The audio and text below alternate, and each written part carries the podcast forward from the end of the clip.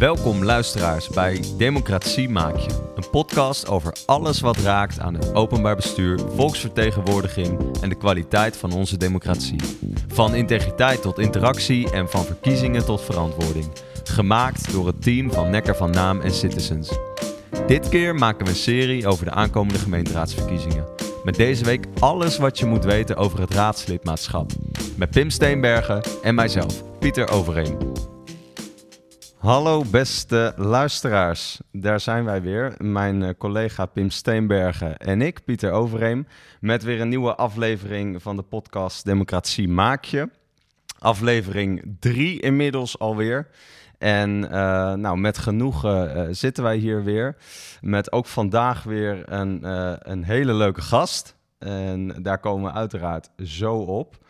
Um, we gaan het vandaag hebben over het raadslidma raadslidmaatschap. En eigenlijk alles wat daarbij komt kijken. Um, nou ja, Pim, in deze aflevering, waar, waar kijk jij een beetje naar uit?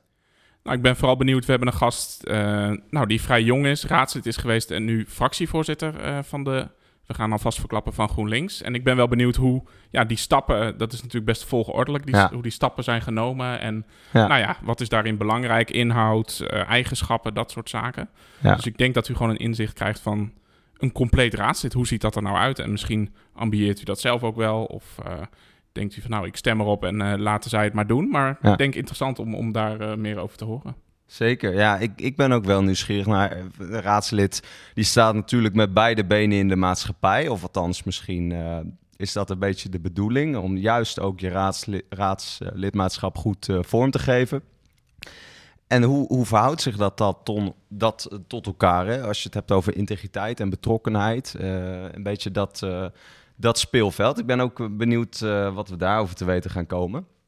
Um, nou ja, we hebben het al even kort uh, gehad over onze gast, dat, uh, wie, wie, ze is, maar nu ook de naam. Dat is Julia Klein-Rensink. Welkom nogmaals. Dankjewel. zij is de afgelopen vier jaar raadslid geweest bij GroenLinks en staat nu op plekje 1 en is ook fractievoorzitter voor de komende gemeenteraadsverkiezingen. Um, ja, welkom nogmaals. En ik heb begrepen, Pim, dat jullie elkaar kennen. Dat klopt, ja. Ja, ik uh, ben een tijd uh, fractiemedewerker geweest in de uh, gemeenteraad van Utrecht. En in Utrecht mag je dan ook debatten voeren, bijvoorbeeld in de commissie. Dus daar hebben wij wel eens de degens gekruist. Maar we waren coalitiegenoten, dus in dat opzicht hebben we Goeie ook veel samenwerking. samengewerkt. Ja, ja. Um, ja, leuk dat je er bent, Julia. Heel uh, mooi om je hier uh, te ontmoeten. En ja, eigenlijk willen we openen met ja, de hele simpele vraag: hoe ben jij in de politiek beland? Dus is dat iets van jongs af aan, of is dat iets wat in Utrecht gegroeid is? Of hoe, ja, hoe heb je die weg afgelegd? Ja, goede vraag. En misschien ook wel gelijk, je zegt simpel, maar uh, het is altijd achteraf. Als je terugkijkt, hm. lijkt het heel logisch. Ja. Terwijl als je je leven leidt, uh, heb je dat misschien niet zo van tevoren bedacht. Uh, dus heel leuk om hier ook vandaag te zijn. Um, ik heb eerlijk gezegd nooit in mijn leven per se bedacht... ik moet raadslid worden of ik wil heel graag de politiek in. Wat ik wel echt van jongs af aan al heb... is dat ik heel erg een rechtvaardigheidsgevoel heb. Uh, dus als kind was ik uh, acties aan het voeren of uh, schreef ik een brief naar de gemeente. En dat werd later uitgebreid en op de middelbare school ook de medezeggenschap ingegaan. Nou, dat breidde zich uit tijdens mijn studietijd dat ik de medezeggenschap inging. Uh, op de universiteit. Daarna ben ik bij de Landelijke Studentenvakbond gaan werken. Dus daar heb ik heel veel gedaan. Uh, ook met medezeggenschap. Hoe ondersteun je hen nou goed? Hoe zorg je dat zij voldoende rechten hebben? Um, en eigenlijk altijd dus dat vuurtje van hoe zorg je nou voor een beetje een rechtvaardige samenleving. Um, en in de tijd dat ik nog actief was bij de Landelijke Studentenvakbond. Um, zag ik na een tijdje, ik was al een tijdje lid van GroenLinks. Dat is natuurlijk wel handig om lid te zijn van een politieke partij. Hoeft overigens niet per se, maar dat helpt wel. Uh, dus ik zag daar de vacature langskomen voor raadslid in de nieuwsbrief. En ik was toen nog heel erg druk met een bestuursjaar bij de Landelijke Studentenvakbond, bij een uh, organisatie daaronder. En toen dacht ik, ja, ik vind het eigenlijk wel interessant om eens te solliciteren en te zien hoe dat eigenlijk gaat bij een politieke partij. Eerlijk gezegd, toen der tijd niet per se verwacht dat ik daar ook echt doorheen zou komen. Uh, dus door, ook... door, de selectie of de sollicitatie? Ja, door de, uh... de selectie. En ja. dacht ja, dat is. Uh... Want je ging gelijk voor dat raadslidmaatschap, zeg maar. Het was niet ja. dat je al ergens meeliep of. of nee, een werkgroepje? Of, of, Nee, ik had wel bedacht, oh, na dat bestuursjaar ga ik eens een keer wat actiever worden bij GroenLinks. En dat kan misschien een werkgroep zijn. Uh, en toen zag ik dus even deze vacature. dacht nou, ik probeer dat. En toen ben ik dus heel snel heel veel meer actiever geworden dan ik uh, van tevoren bedacht had. Dus uh, zo snel kan het soms gaan. Uh, dat is wel interessant natuurlijk, want vaak eh, hoor je, als ik even naar mijn eigen omgeving kijk, uh, dat, dat vrienden of, of kennissen echt, echt zo'n soort carrière tussen aanhalingstekens moeten hebben bij, bij politieke jongerenorganisaties en commissies ja. doen en, en tijd, tijd, tijd. Uh, maar bij jou klinkt het eigenlijk haast tegenovergesteld. Dus dat kan dus ook. Ja, zeker. En ik denk wat waar een, tenminste, het hangt ook een beetje van de politieke partij af. Ja. Maar wat bij GroenLinks belangrijk wordt gevonden, is dat je mensen hebt die natuurlijk ook maatschappelijk heel relevant bezig zijn, zoeken een variatie aan verschillende soorten personen. Dus ik had denk ik toen der tijd de goede kaarten dat ik wel actief was in de studentenwereld. Uh, wel ervaring in die zin in politiek, dat ja. ik in de medezeggenschap veel had gedaan. Dat is natuurlijk wel net anders, maar heeft ook veel... Ook een stukje vertegenwoordiging. Ja, precies. Ja. Die, een paar parallellen daarin. Um, dus ik denk dat dat toen geholpen heeft. Maar het is inderdaad niet zo dat ik al jarenlang aan het opbouwen was naar... ik ga binnenkort eens raadslid worden. En vandaar dat ik ook zeg... Uh, achteraf is het makkelijk praten en lijkt het een heel logisch pad. Maar vooraf heb ik nooit bedacht, nou, politiek, dat moet het per se worden. Ik wist wel altijd, ik wil graag ergens actief zijn waar ik iets doe wat echt bijdraagt aan de samenleving. Dus dat het daaraan moet voldoen, dat was wel duidelijk. Maar dat had net zo goed een andere plek kunnen zijn. Ja. ja. En was dat voor jou toen ook een hele spannende periode? Moest jij echt heel erg campagne voeren? Of stond je al hoog op de lijst? Of hoe? Um, nou ja, eerst moest ik die selectie eigenlijk door. Dus bij, uh, nou, bij GroenLinks heb je dan een gesprek. En na een tijdje had ik een tweede gesprek. Uh, nou moest ik toen ook een uh, soort casus uh, doen. Nou, dan krijg je na een tijdje een plek toegewezen op de lijst. Die gaat naar de leden toe en de leden mogen daarover stemmen. Dus die kunnen je nog omhoog of omlaag stemmen. En ik dacht toen der tijd, nou, het zou best wel kunnen gebeuren dat ik nog omlaag word gestemd. Want ik ben nog niet zo actief bij GroenLinks. Dus ja, waarom zouden mensen mij omhoog ja. stemmen? Hm. Uh, dat is uiteindelijk niet gebeurd. Dus ik heb mijn plek behouden. En ik stond toen op plek 7 op de lijst. Nou, dat is voor GroenLinks in Utrecht een hele goede plek. Want we hadden toen der tijd negen zetels. Nou, na de verkiezingen hadden we er zelfs twaalf. Dus met zeven oh ja. zat ik uh, redelijk veilig, zeg maar. Um, en ik heb toen in de tijd van die verkiezingen uh, niet heel veel campagne voor mezelf gevoerd. Dus eigenlijk vooral heel veel voor GroenLinks. Wel heel veel uh, toen op pad geweest. En enkele, er zijn natuurlijk mensen om je heen die het heel erg leuk vinden dat je op een lijst staat. Dus die wel ja. voor je gaan stemmen. En ook wel mensen om mij heen die zeiden: Oh, wat leuk, ik ga voor jou ook campagne voeren. Maar ik heb dat zelf eigenlijk vrij weinig gedaan de vorige keer. Het kan natuurlijk helpen dat, dat je passief wel reclame natuurlijk, maar je, je had een, een, een, relatief groot netwerk natuurlijk met de studentenvakbond en ja. medezeggenschap. Dus dat, dat kan me voorstellen dat dat dan uh, gelukkig bijdraagt. Ja, ja, ik kwam er ook opeens achter hoeveel mensen eigenlijk uh, GroenLinks uh, stemmen ja. in mijn omgeving. Ja. Ik, uh, de, ja, ja, je, van sommige mensen weet je dat, maar ook niet van iedereen. En opeens krijg je dat ook veel meer te horen. Dus dat is heel grappig om opeens te merken. dat je toch een beetje in een bubbel zit. en als we dan weer een stapje verder gaan, hoe, hoe voelde dat om bijvoorbeeld de, de eet of belofte af te leggen? Had je toen ook het idee van, nou, dit, nu wordt het echt, echt of zo? Of, of, want ja, je zegt wel iets ook. Je, je, je belooft ook iets om je in te zetten. Was dat voor jou een bijzonder moment? Of, of? Nou, ik vond vooral die hele periode daarvoor met die verkiezingen heel bijzonder. En dat je zo'n uitslag hoort en dat je dan daarna gaat beginnen. Uh, ik ben zelf iets minder van de ceremonies. Dus die belofte ja. zelf op dat moment.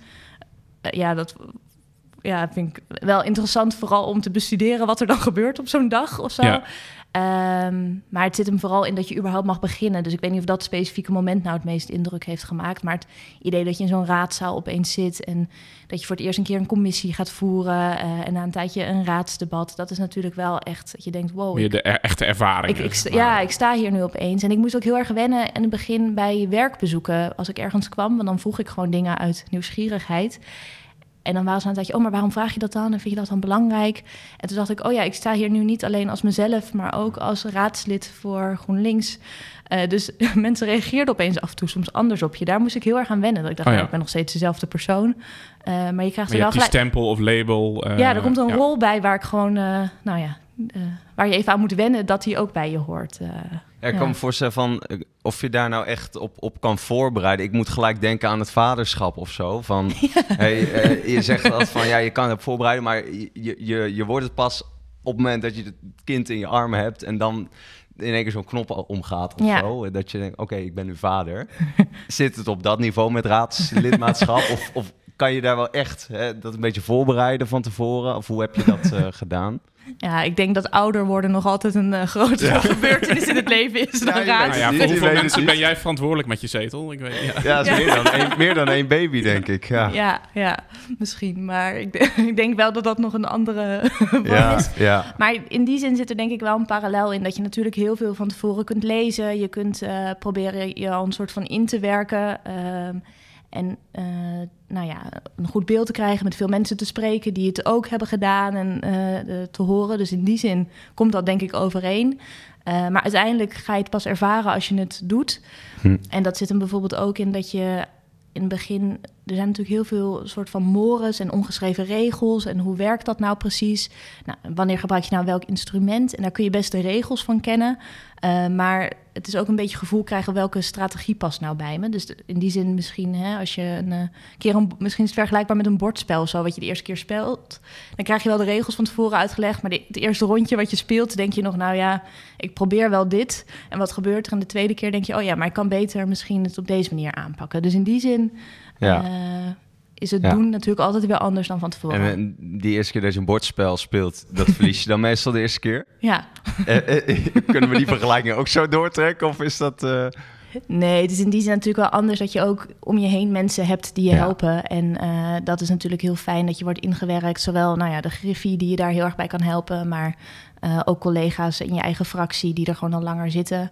Ik weet dat ik in het begin gewoon ongeveer, uh, nou dagelijks is een groot woord, maar wel weer belde naar een ervaren raadslid uit onze fractie met hoe zal ik dit eens aanpakken? En dan, volgens mij moet hij na een tijdje ook gedacht hebben, daar heb je er weer. Um, dus je hebt in die zin uh, hulp en dat helpt natuurlijk heel erg om erin te komen. En ik vind de Raad van Utrecht ook een hele prettige plek waar ook wel ruimte wordt gegeven in het begin om, ik weet niet hoe jij dat ook hebt ervaren, maar nou ja, het is wel een soort van, je mag, als je, als je initiatief toont en inzet toont, dan ja, je dient met z'n allen de stad. Dus volgens mij hebben mensen ook het beste met elkaar voor en zien ze ook dat mensen zich, hè, het is een vrijwilligersbaan, deels, het, is, het is naast je gewone werk, zullen we het straks ook nog over hebben, maar ja, je zet je wel in voor de stad en uiteindelijk vindt iedereen dat mooi volgens mij. Ja, en iedereen begrijpt ook dat je in het begin nog moet wennen, dus dat, ja, dat is ook wel prettig, hè, dat je elkaar daar een beetje mee helpt iedereen weet dat je uh, weet hoe het is om raadslid te zijn. Dus je, ook al ben je van een andere partij, je begrijpt heel erg goed in wat voor schuitje je zit met elkaar. Dus dat is ook heel prettig, vind ik. En die collegialiteit is ook wel uh, belangrijk om met elkaar te hebben, denk ik. ja, en ik denk dat elk raadslid ook zijn, eigen, zijn of haar eigen stijl heeft.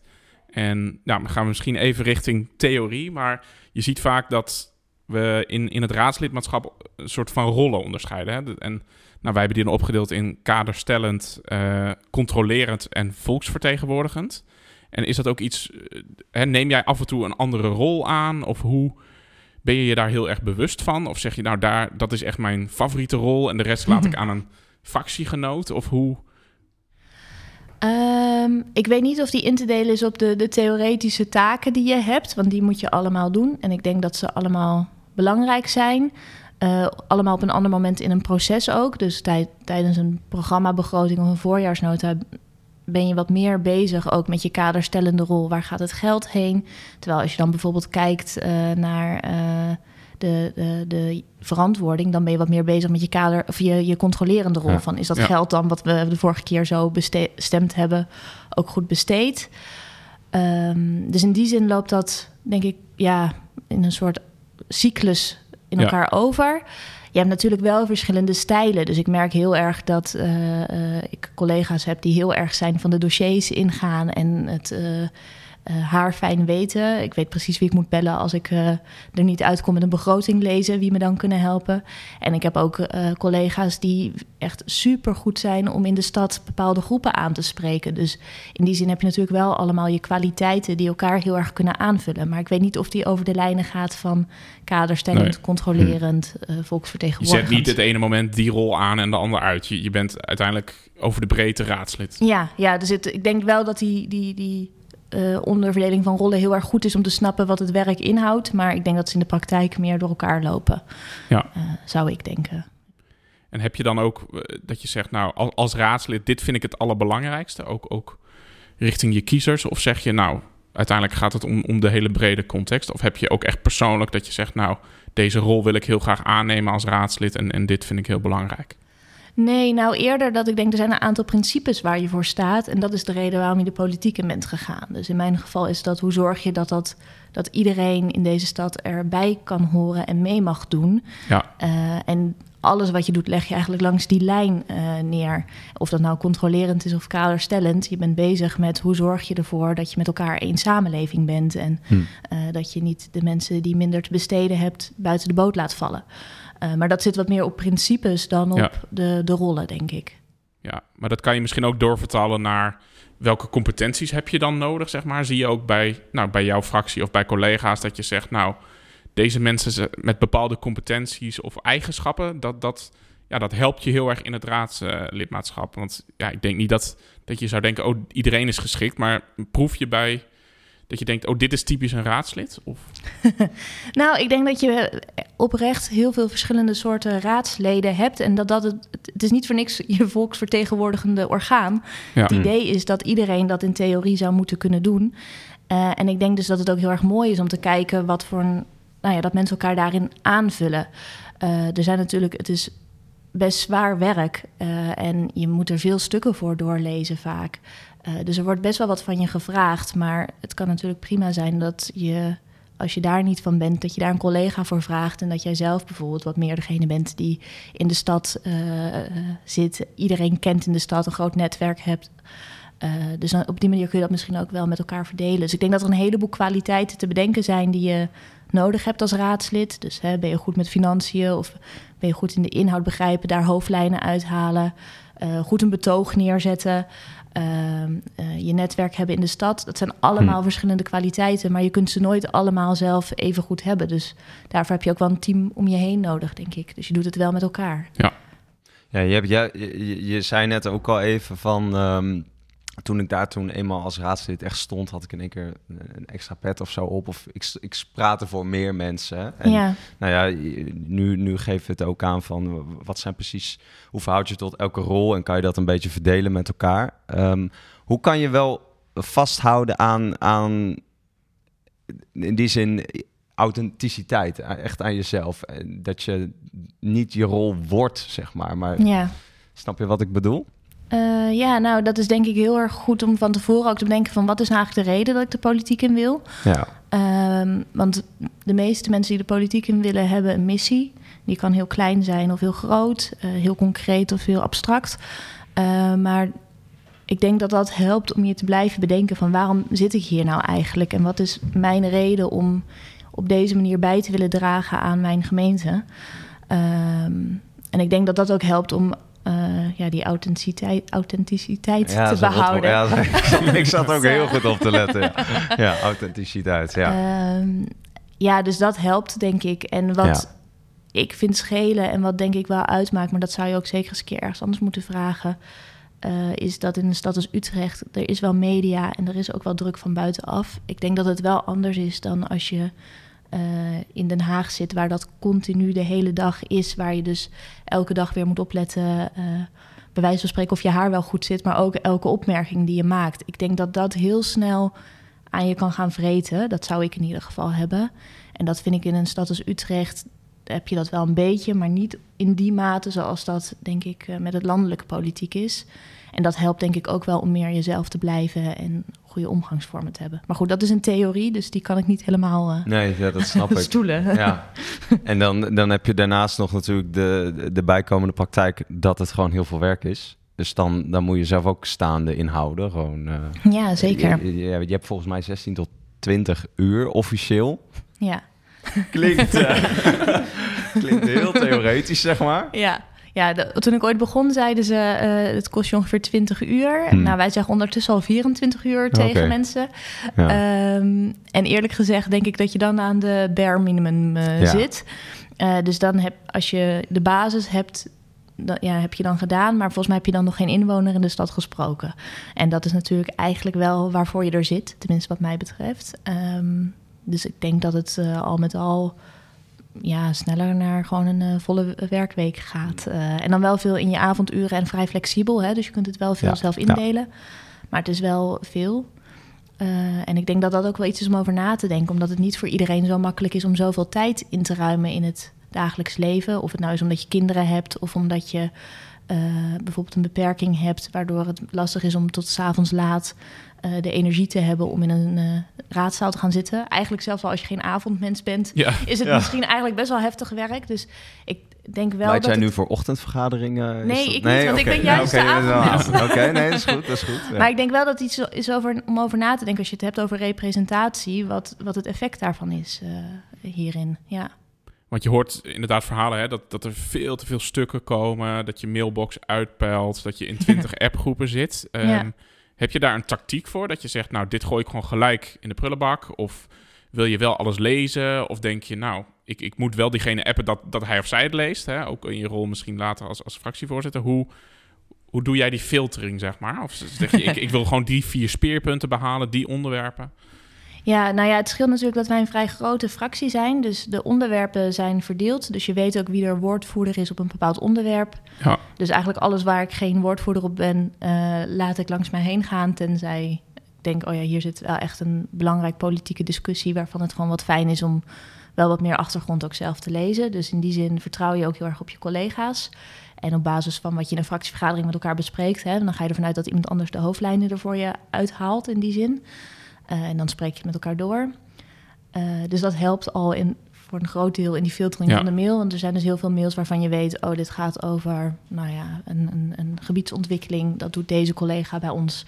Dan is dat degene die ook de vragen beantwoordt hierover... en de stukken daarvoor leest. Um, en dan nog hou je heel veel over. Um, in het begin weet ik nog, uh, ik, had, uh, ik heb uh, werk en inkomen in mijn portefeuille zitten... Uh, dat ik dan een mail of een brief kreeg van de gemeente, was in mijn eerste week. En dacht ik, ik snap één zin niet in deze brief. Nou, dan moet ik toch maar de ambtenaar oh, ja, om te ja. vragen wat hier precies staat. Terwijl na een tijdje leer je dat het helemaal niet zo heel relevant is om die ene zin precies hm. te snappen. Maar dat je daar ook wat meer hoog over, iets uh, hoog over ja. naar moet kijken. En uh, nou ja, in die zin heb ik met heel veel aandacht de, de brief al gelezen. Dus dat is misschien fijn voor hen om te weten. Maar na een tijdje weet je natuurlijk ook, ook door de discussies die zijn geweest, oh ja, hier gaat het om, dit is belangrijk, uh, hier zat de politieke angel. Uh, dus ja, dat leer je na een tijdje ook wel ja, te filteren. Maar of dat echt een tactiek is of. Uh, nee, ja, het is, het is niet een, een, een cursus raadslidmaatschap. Je, je, moet dat echt zelf. ja, uitvinden. dat ontdek je wel. En ik denk ook dat het verschilt hè, hoe mensen dat aanpakken. ik heb ook collega's die volgens mij vrij veel lezen, waarvan ik dan dus ook weet dat ik daar naartoe kan om uh, om op sommige onderwerpen te vragen hoe zit dat eigenlijk. Uh, dus uh, nou ja, dat is natuurlijk ook heel fijn. Ja, het zegt natuurlijk wel iets over de competenties. Hè? Dus je moet überhaupt grote lappen teksten kunnen verwerken, analyseren. Ja. Waar zit de kern? Wat kan ik dus overslaan? Ja. Dus ik denk dat dat wel natuurlijk, in, en, en, en, zeker in het licht ook wat je zei van representatie.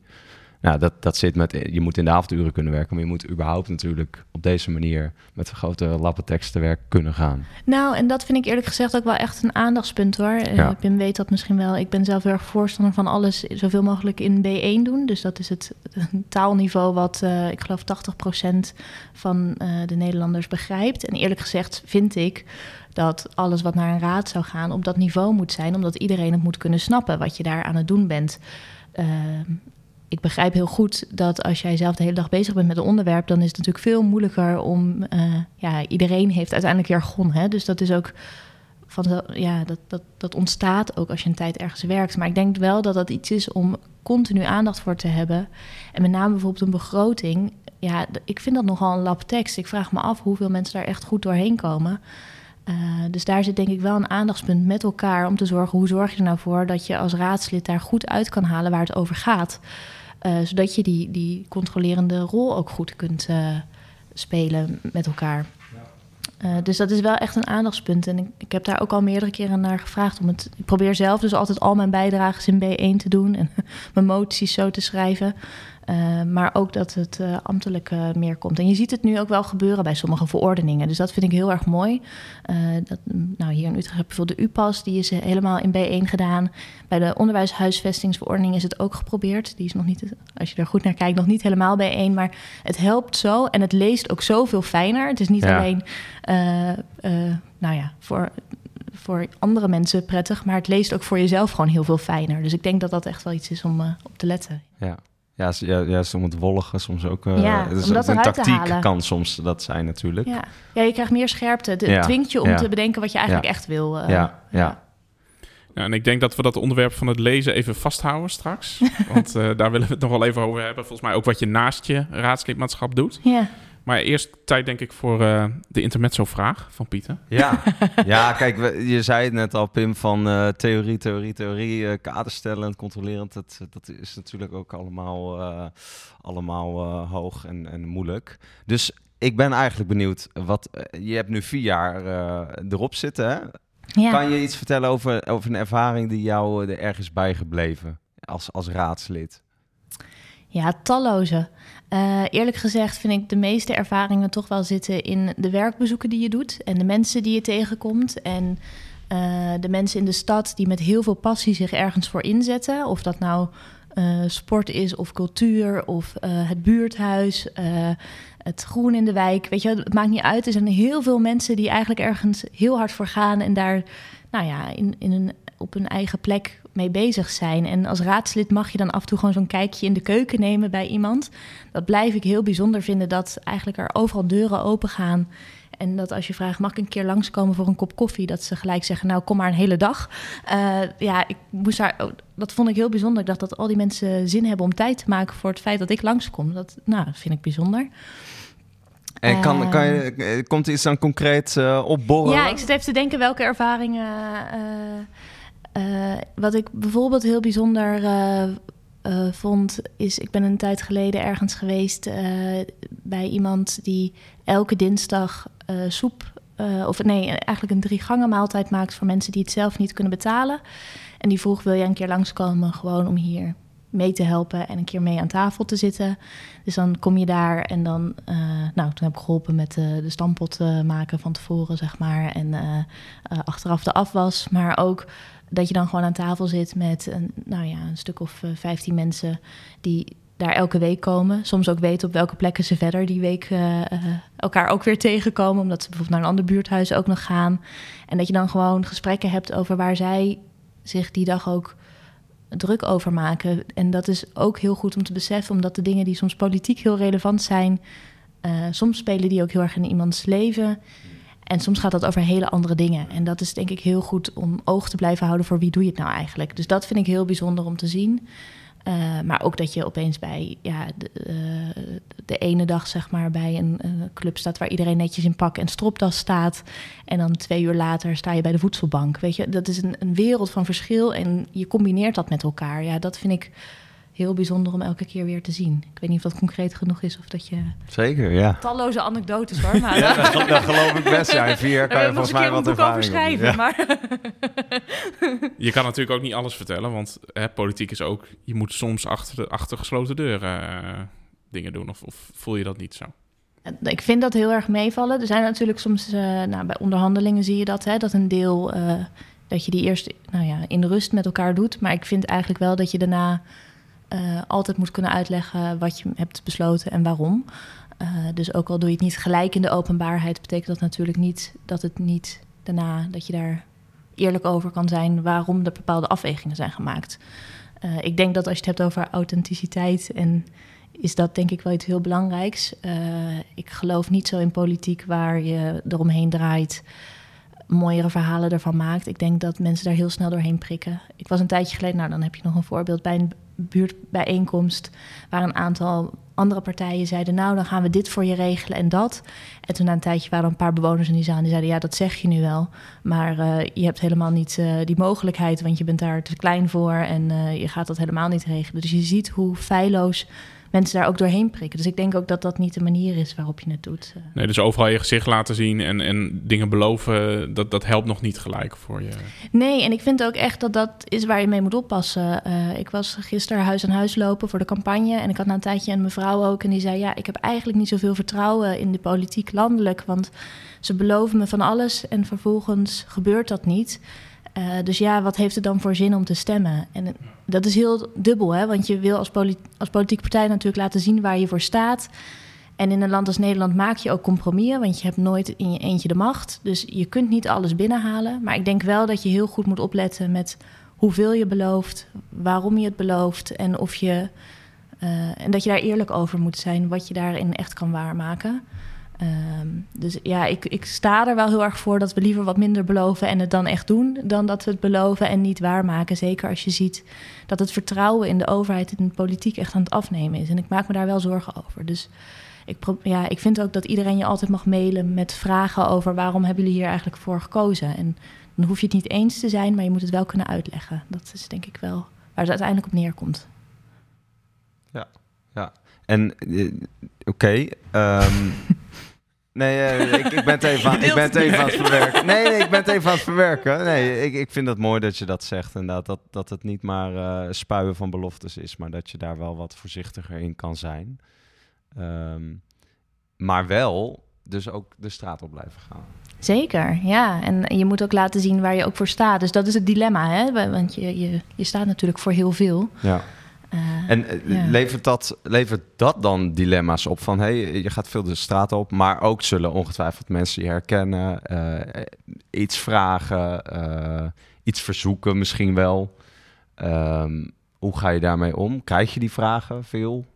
Um, nou, ik moet heel erg zeggen dat als ik boodschappen ga doen, dan kan ik dat redelijk anoniem doen. Ja. Dus dat gaat wel. Gelukkig uh, maar nog. Dan, ja, denk ja, dat, ja, ja, vind ik heel prettig. Um, als je met een GroenLinks jasje aanloopt, wordt dat natuurlijk al anders. Uh, en wat ik het misschien nog wel het ingewikkeldste soms vind, is dat je op een verjaardag komt en dat mensen zeggen: Oh, jij zit toch in de politiek? En waar voorheen politiek echt een van mijn favoriete onderwerpen was bij verjaardagen, denk ik nu af en toe: Ja, maar dat is mijn werk al. Uh, dus uh, hoe gaat het verder met de kinderen? Weet je, dat idee. Ja, ja. ja. um, dus daar merk je het soms, maar het is niet dat mensen heel erg verzoeken doen omdat ze je persoonlijk kennen. En ik Tenminste, ik vind dat wel meevallen, maar ik, ik, ik, uh, ik zou daar ook niet zo snel. Uh, ik vind ook dat je daarmee moet oppassen. Dus dat je heel erg moet opletten uh, met welke rol je hebt. En nou ja, dat je niet de een daarin anders zou behandelen dan een ander, omdat je die toevallig kent. En dat, nou ja, dat is misschien wel een dilemma? Hoe je, in hoeverre je soms op casusniveau op iets ingaat.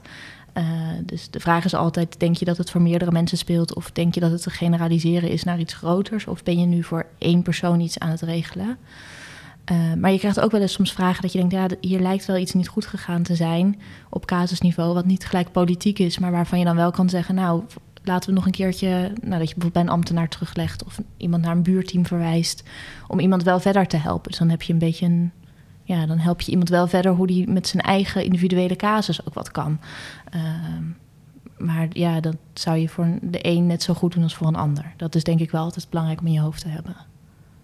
Ja, en, en zie je dat ook in je, in je werk, zeg maar? Want naast je raadslidmaatschap heb je een hè, gewone mensenbaan. Uh, nou, en nou ja, misschien kan je iets vertellen wat je daar doet. En, en volgens mij heeft dat ook best raakvlakken met je raadswerk. Uh, is, is dat iets waar je bewust voor gekozen hebt? Of, of uh...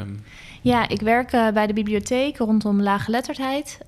Um, toen ik raadslid werd, was ik nog student. Dus ik ben begonnen met raadswerk en daarnaast gaan werken. Voor heel veel mensen is het natuurlijk andersom. Um, wat ik eigenlijk aan het begin al zei, ik heb niet per se ooit in mijn leven gedacht... ik moet per se de politiek in, maar wel iets doen wat bijdraagt aan de samenleving... en uh, opkomen voor de mensen die het hardst nodig hebben. Dus dat dat in mijn werk ook zit is in die zin niet zo verwonderlijk.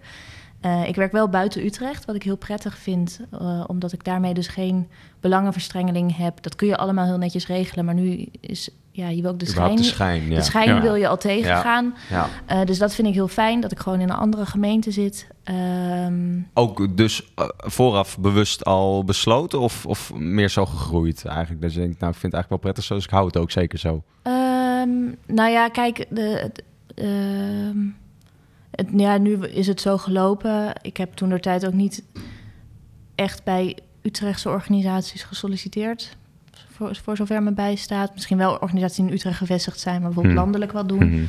Eh, maar ik zou dat nu ook denk ik niet zo heel snel doen. En anders heel erg nadenken over op welke onderwerpen je dan woordvoerder bent. Dus dat het ook geen raakvlakken heeft. Ja, dat is ook altijd een beetje een zoektocht. Omdat je, tegelijkertijd kun je ook blij zijn met mensen. Het idee van de raadswerk is natuurlijk ook dat je volksvertegenwoordiger bent. Dus met één been in de samenleving staat. Dus dat je daarmee uh, ook toevallig werkt in dat veld, is natuurlijk ook iets voor te zeggen. Dat is de andere kant. Heel veel, ja, denk ik ook. Ja. Dus, je ziet eh, ook wel eens dat in grote steden, hè, Utrecht is een van de vier grootste steden van Nederland, dat, dat sommige mensen zeggen, ja, moeten we er niet een fulltime baan van maken? Hè? In een stad als Utrecht, je gaat over 1,4 miljard euro uit mijn hoofd. Ja. Daar pleit jij dus niet voor?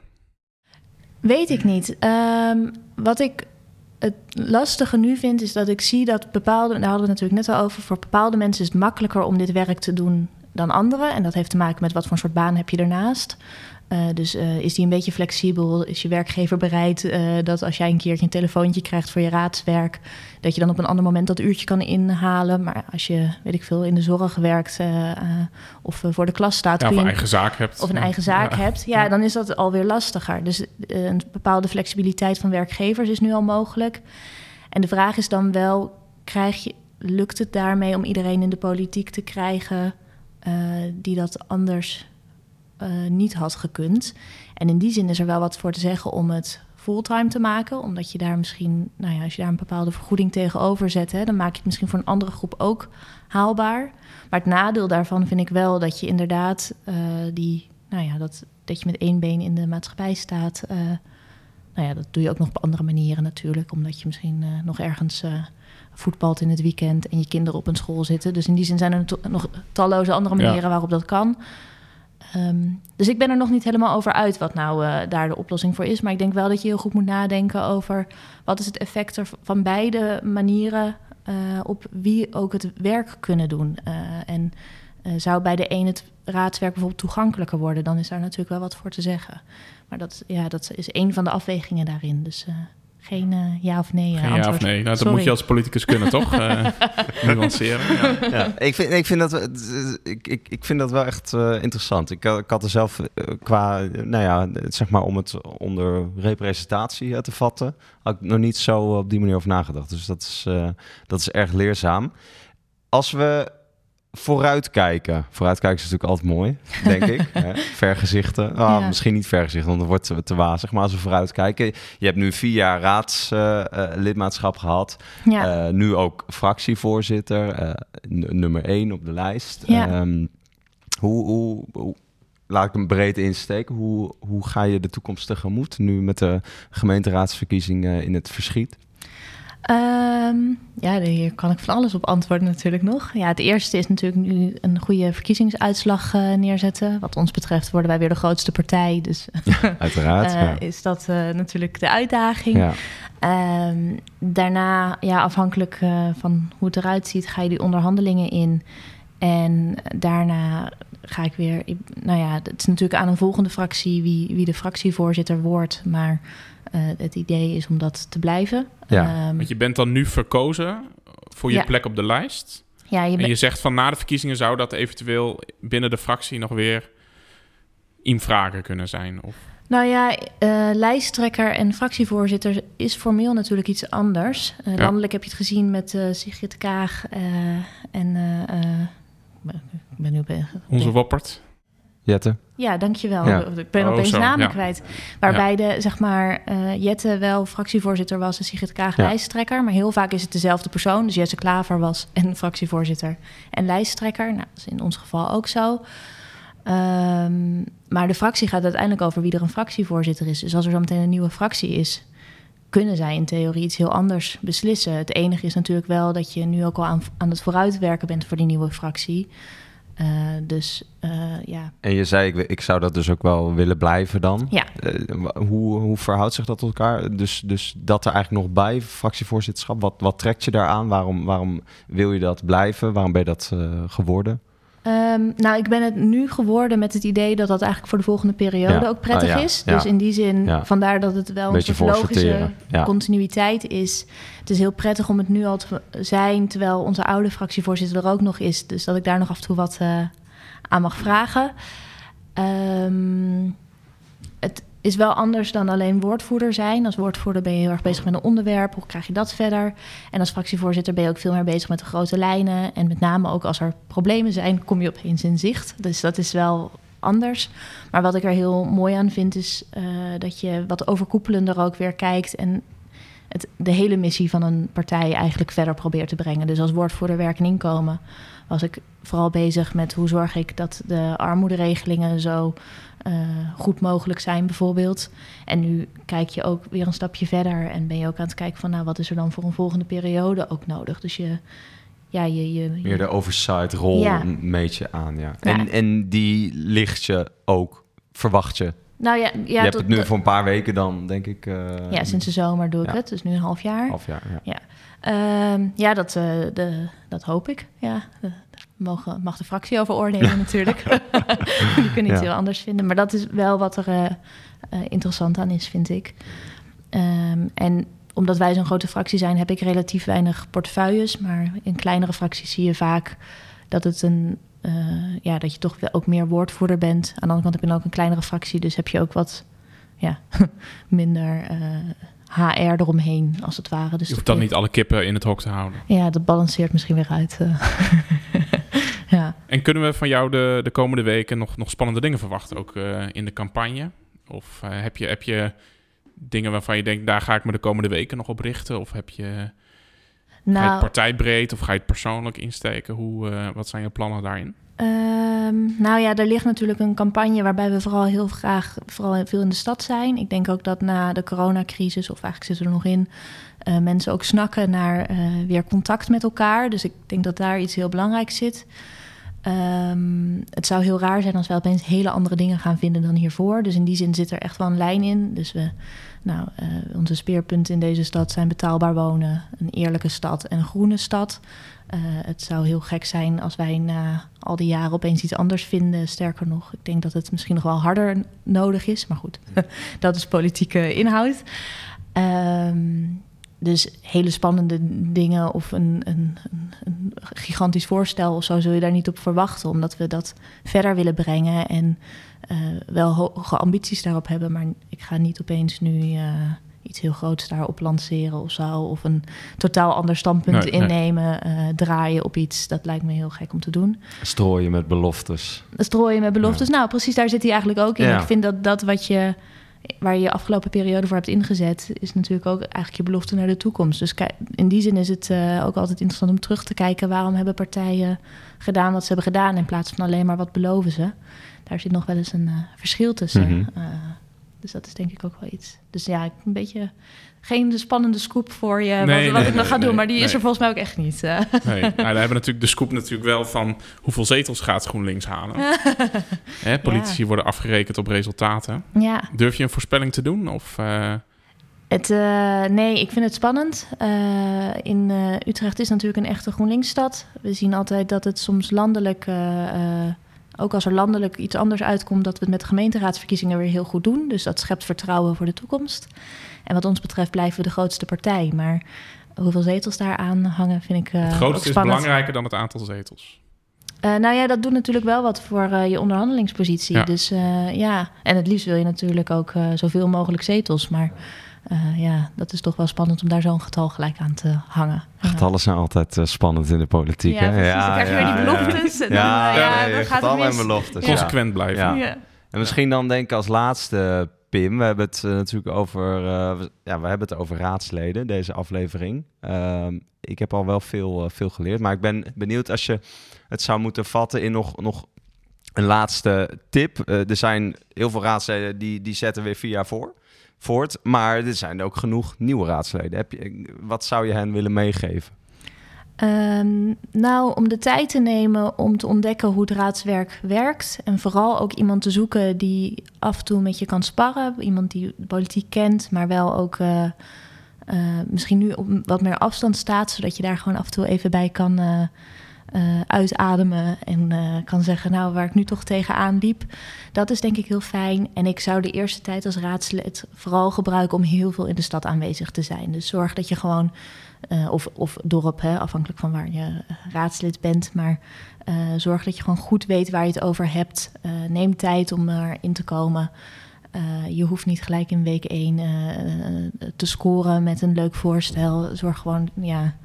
Ik denk dat je met gedegen werk uiteindelijk veel verder komt dan nou ja, snel iets willen behalen. Dus je kunt maar beter gewoon zorgen dat je goed voorbereid daarop bent. Nou, volgens mij een tip van een kenner. En uh, we gaan ook zien wat de komende vier jaar gaat gebeuren. Ja. Heel erg bedankt voor je Zeker. inbreng. Nou, leuke vragen. Fijn om er geweest te zijn. Ja, Dank jullie wel. wel. Ja. Wat ik van een collega heb geleerd is dat we jou, maar alle partijen in Utrecht in gelijke mate succes wensen bij de verkiezing. Dank je wel. Zo is het. Ja. Zet hem op. Tijd voor de blik van Bogers. Marcel Bogers is hoogleraar en onderzoeker bij Nekker van Naam.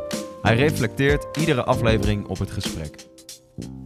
Ja, we hoorden net Julia Klein-Rensink praten over het raadslidmaatschap. Hoe zij als uh, jong meisje uh, politiek geëngageerd raakte en langzaam de lokale politiek inrolde. En nu inmiddels uh, lijsttrekker mag zijn van GroenLinks in, in Utrecht. Ehm, maar wat vooral interessant was, behalve dit natuurlijk, hè, hoe rol je erin, is van nou, hoe speel je je rol als raadslid? Raadsleden hebben namelijk verschillende rollen te vervullen. Enerzijds Ehm, worden zij gekozen op een bepaald partijpolitiek programma. Mensen stemmen op GroenLinks en GroenLinks staat ergens voor, ook lokaal. En ehm, kiezers die verwachten dat uh, die partij die uitgangspunten van, de, van, uh, van GroenLinks weet te realiseren in het stadsbestuur. Nou, daar maak je hard voor als, als raadslid. Um, maar als raadslid ben je meer. Je wordt niet alleen gekozen als raadslid van GroenLinks, maar ook als persoon. En als iemand die Ehm, de belangen van uh, bepaalde groepen in de stad uh, weten te behartigen in het uh, gemeentebestuur. Dus je bent uh, niet alleen partijvertegenwoordiger, maar ook volksvertegenwoordiger. Dat is denk ik heel erg belangrijk.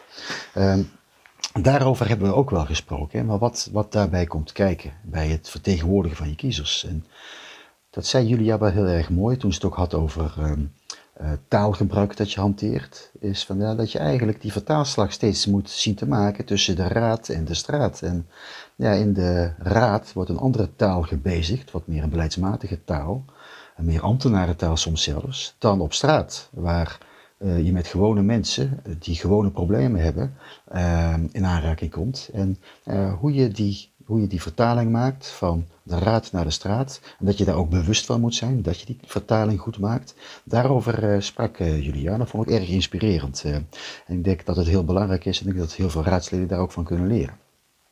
Een ander punt is ja, hoe je als raadslid wat meer ervaren wordt en ja, de kneepjes van het politieke handwerk wat beter, uh, wat beter leert. Daar zei ze, van, het is heel erg belangrijk om je op te trekken aan meer ervaren raadsleden. Denk dat dat een hele goede tip is. En dat kunnen soms raadsleden van je eigen partij zijn, maar soms kunnen het ook best raadsleden zijn van een uh, aan jouw partij verwante politieke partij. Uh, ik zou ervoor willen pleiten ook, en je ziet dat gelukkig ook steeds meer, dat, uh, dat uh, partijen elkaar wat meer opzoeken, wat meer samenwerken in de raad. Dat maakt raadsleden alleen maar sterker. En wat meer gebruik maken van de Griffie. Die Griffie is daar ook voor om raadsleden te ondersteunen met raad en daad als het gaat om het politieke handwerk. Ehm, uh, haar tips waar ze mee eindigde, uh, van ja, neem de tijd als raadslid en dompel je eerst onder in die samenleving. En dat vond ik eigenlijk wel een hele goede. Uh, ook weer terugkomend op die volksvertegenwoordigende rol die je te spelen hebt. Dompel je eerst onder in die samenleving. Ga, ga eens bij verschillende bijeenkomsten van clubs en verenigingen, um, organisaties, ga eens langs. En dan is denk ik ook wel een belangrijke tip van ontdek zelf als raadslid van ja, waar gaat mijn hart het meest naar uit? Waar heb ik het meeste mee? Uh, ontwikkel ook je eigen stijl dus. Uh, um, Ik denk dat dat heel belangrijk is, want een raadslid kan niet alles, uh, kan zich niet op het hele brede beleidsveld uh, met alle thema's waar de gemeente over gaat, dan kan een raadslid zich niet, niet tegenaan bemoeien. Het, raadslid hoort, en dat is ook politiek, het verschil te maken en aan te geven, nou, dit zijn belangrijke thema's waar mijn partij voor staat, of waar ik voor wil staan als raadslid. En dat betekent dus dat ik me wat meer op deze dossiers richt en me ook wat meer op deze groepen in de samenleving richt. Bijvoorbeeld als je als raadslid zegt van nou, ik wil vooral in, me inzetten voor het uh, lokale MKB, nou dan weet je dus op welke dossiers je moet gaan richten en met welke groepen je wat intensiever contact uh, moet onderhouden. Als je zegt ik wil me vooral inzetten uh, voor de belangen van jongeren, nou ja, dan weet je dat je, dat je ook, dan weet je met welke dossiers je moet bezighouden en welke groepen je wat meer dichtbij je moet zien te houden, met welke groepen je wat meer in overleg moet treden. Dus dat is denk ik een heel belangrijke les zeker voor raadsleden in versnipperde raden, en daar hebben we steeds meer mee te maken, ook straks na de nieuwe verkiezingen, is van focus je op één of twee thema's. En uh, uh, doe dat niet alleen in de manier waarop je als raadslid voorbereidt op raadsvergaderingen en je dossiers voorbereidt, maar ook in de contacten die je legt in de samenleving. Dan maak je als raadslid het verschil, dan ben je herkenbaar en ben je ook buitengewoon effectief. Dat is denk ik een, een hele mooie les, die ook uh, uh, mooi aansluit bij de mooie lessen die Julia net naar voren bracht. Bedankt voor het luisteren naar deze aflevering van Democratie Maak Je, de podcast van Nekker van Naam en Citizens. Over twee weken zijn we terug, dan hebben we het over het proces van de coalitievorming. Deze podcast is gemaakt door Pim Steenbergen, Jessica Lambrechts, Robert Klaassen en mijzelf, Pieter Overeem. Blijf ons volgen op social media en je favoriete podcastkanalen. Heb je ideeën of suggesties voor nieuwe afleveringen? Mail ons dan op podcast.nekker.nl